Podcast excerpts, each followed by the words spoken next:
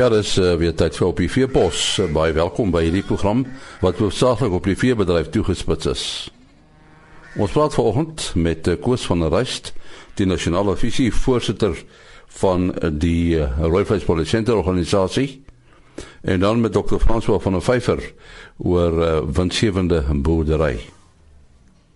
Isak Hofmeyer van uh, Veeplaas het met die op die veepos mikrofoon gaan kuier by Koos van der Rust die visievoorsitter van die Rooivleis Producente organisasie en dis nou na afloop van 'n reeks striks vergaderings van die RPO en die NWKV in, in Natal en sy indrukke gevra. Koos, uh, ons het nou hier deur die groen lande van Natal gereis hierdie afgelope week.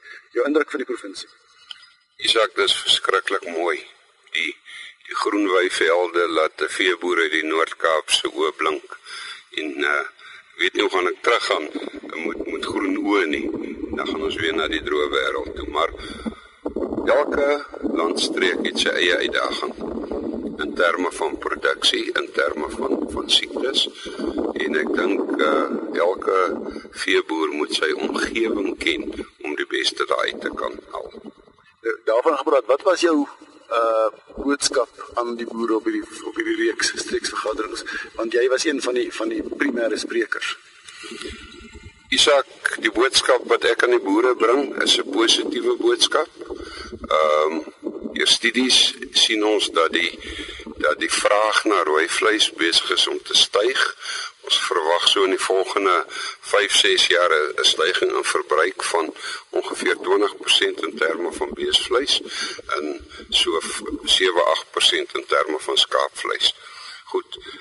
Dit is die positiewe boodskap, maar die uitdaging is nou om te kyk op hoe 'n manier uh ons produsente kan bemagtig, op hoe 'n manier ons kan saamwerk om hierdie uitdaging uh te kan aangryp en die beste daarvan te kan maak dis nou sommer 'n vraag uit die lug gegryp hier op een van jou skyfies uh, by jou voorligting. Uh is die is die term instituut vir navorsing ontwikkel produkontwikkeling iets iets in daai lyn. Praat bietjie met my daaroor.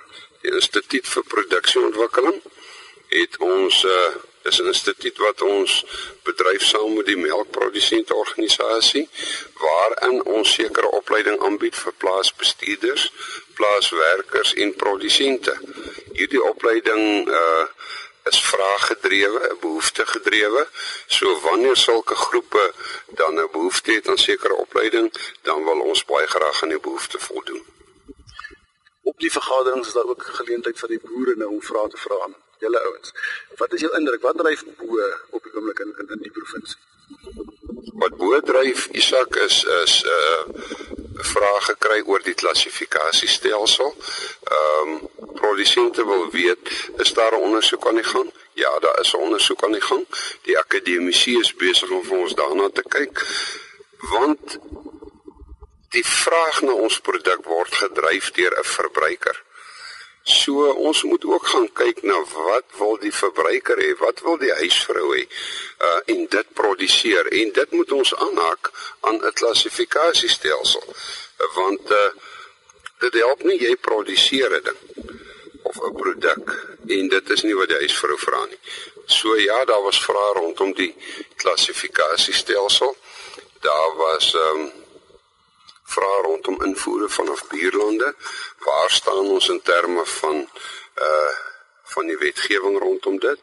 Uh so ja, ons het dit goed geantwoord en met dit alles is ons redelik besig. Ons verwag in terme van invoere van buurlande uh eersdaagse aankondiging in die staatskoerant sodat ons ook daaraan kan voldoen sodat ons ons status van back and closure vrye land kan bou.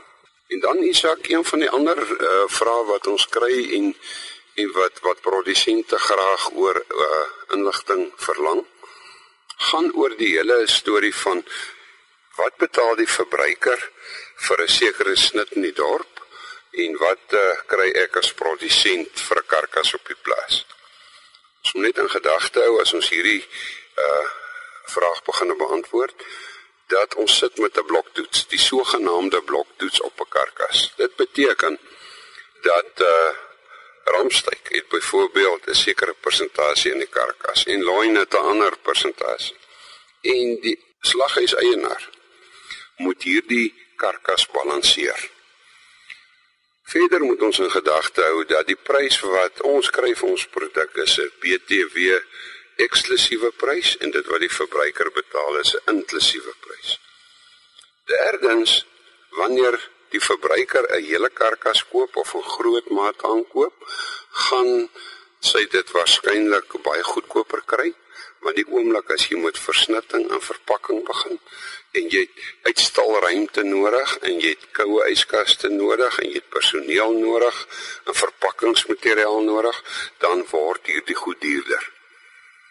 As ons kyk na die aandeel in die verbruikersrand ten opsigte van heel karkasse, sit ons met min of meer 'n 80% aandeel in die verbruikersrand. Waar jy na versnitting begin kyk, sit ons as produsente met so 48% aandeel in die verbruikersrand. Ons moet net versigtig wees. Ons sien almal dat die supermarkte en die slaghuis eienaars se bruto marge lê in die orde van 30-35%. Maar kan jou waarborg dat daai instansies se netto marge is waarskynlik nie meer as 5% ons het iemand nodig. Ons het die supermarkte en die slaghuiseienaars nodig om ons produk te skuif. Dit gee onmiddellik integriteit aan produk. Uh ons het die mense nodig. Hulle is deel van die ketting. Ons kan niks verkoop as ons dit nie kan deur 'n deur 'n tal skuif. Almal in die in die ketting kry 'n billike deel van die verbruikershand. Almal gaan vir jou sê nee, hulle kry dit nie maar die mark is so uh, mededingend. Uh dat daar's min ruimte vir vir uitbuiting. Elke elke ketting, elke skakel in hierdie ketting is noodsaaklik en elkeen moet 'n lewe maak. So elkeen kry 'n billike deel daarvan. Laaste vraag wat so 'n bietjie op 'n ligter trant is, um, ons het so onderlangs 'n glimlag toe dat 'n uh, rapport gedoen is van die politisie in, in in Natal wat wat uitvoere en invoere beskou as beweging van vleis oor die grense van die provinsie.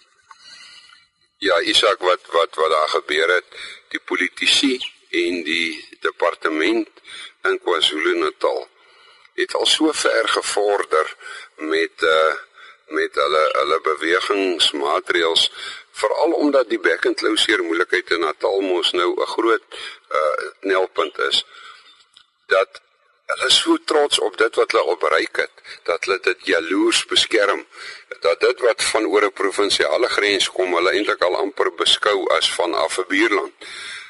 En ek dink dis die regte kultuur. Ek dink as 'n mens hierdie trots en die wil om dinge te laat werk kan uh afwentel na na al die provinsies toe, dan dink ek is ons op die wenpad. Isak uh, Hofmeyer en Koos van der Rust. En nou praat ons met Dr. François van der Vyver van uh, Voermol en hy het tydens hierdie streekvergaderings gepraat oor winsgewende boerdery. Kyk, die, die boere sukkel al hoe meer om hulle selfde tipe van winsmarges te behou. En dan wonder ou altyd hoe kan mens winsgewendheid bevorder of verbeter? En die die vinnige antwoord daarop in die een plek waar die ouens na moet kyk is maar hulle reproduksietempos. So reproduksietempo, daar's definisies daarvoor in ons meet jou kalf en jou lam persentasie, ons meet speen persentasies en ons moet uiteindelik kyk na jou bemarkingspersentasie. Dis die belangrike ouetjie om na te kyk. En die implikasie daarvan is dat dit als voedingsgedrewe is.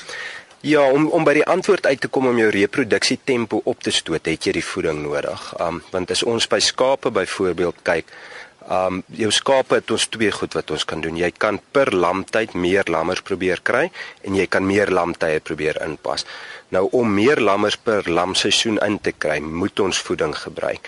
Jy moet jou voeding reg kry en ons ken almal prikkelvoeding. Ons moet daai oetjies gaan prikkelvoer sodat sy 'n verhoogde fekaliteit kry.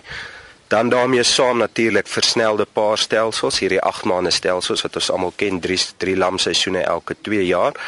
Om dit suksesvol toe te pas, moet jy jou byvoedingsreg kry vir daai kritiese tye van van die oeye.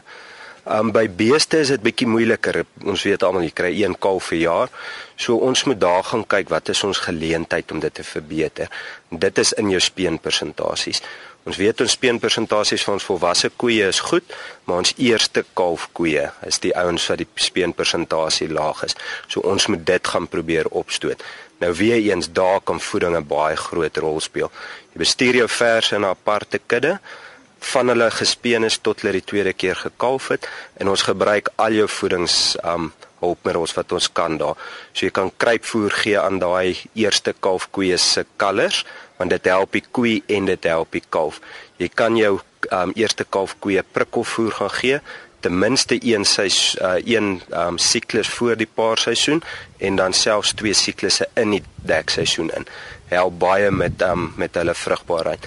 En ja, mens moet gaan kyk na 'n holistiese benadering. Ons praat van 'n 100 dae kritiese tydperk. Dis rondom uh, kalftyd en jou eerste 70 dae van laktasie. Daar moet die koei se kondisie baie goed wees want sy gaan in 'n negatiewe energiebalans in. Daarvoor is jou vers lek of jou koei lekke alles baie belangrik en ons moet kyk na die nutriënte en die balans van die nutriënte. Ons praat net vir 'n oomblik 'n bietjie meer in detail oor hierdie hierdie hierdie groep op jou plaas die die eerste kalverse. Van wanneer tot wanneer verdien hulle hierdie ekstra aandag in terme van ouderdom en en, en siklusse. Basies vandat hulle gespeen word, nê, nee? vandat jy daai versie gespeen het en jy weet daai versie gaan jy in jou kudde hou totdat sy die tweede keer 'n kalf gee. Hou ons bestuur ons hulle eintlik apart. Dis die ideaal. Die rede is dat ons kan vir hulle dan die voorkeur voeding gee. Ons kan hulle apart bestuur, ons kan vir hulle die beste veiding gee. Jy kan vir hulle 'n spesifieke lek uitwerk want ons moet onthou hulle 'n behoefte aan groei. Die volwasse koeie het net die behoefte vir produksie. Jong jong koeie verse, maar hulle groei nog, so ons moet in hulle lekke ook addisioneel kyk na hulle proteïen vir byvloeiproteïen en hulle fosfaat, kalsium en mikroelemente. Um die inname daarvan is baie belangrik vir um goeie produksie.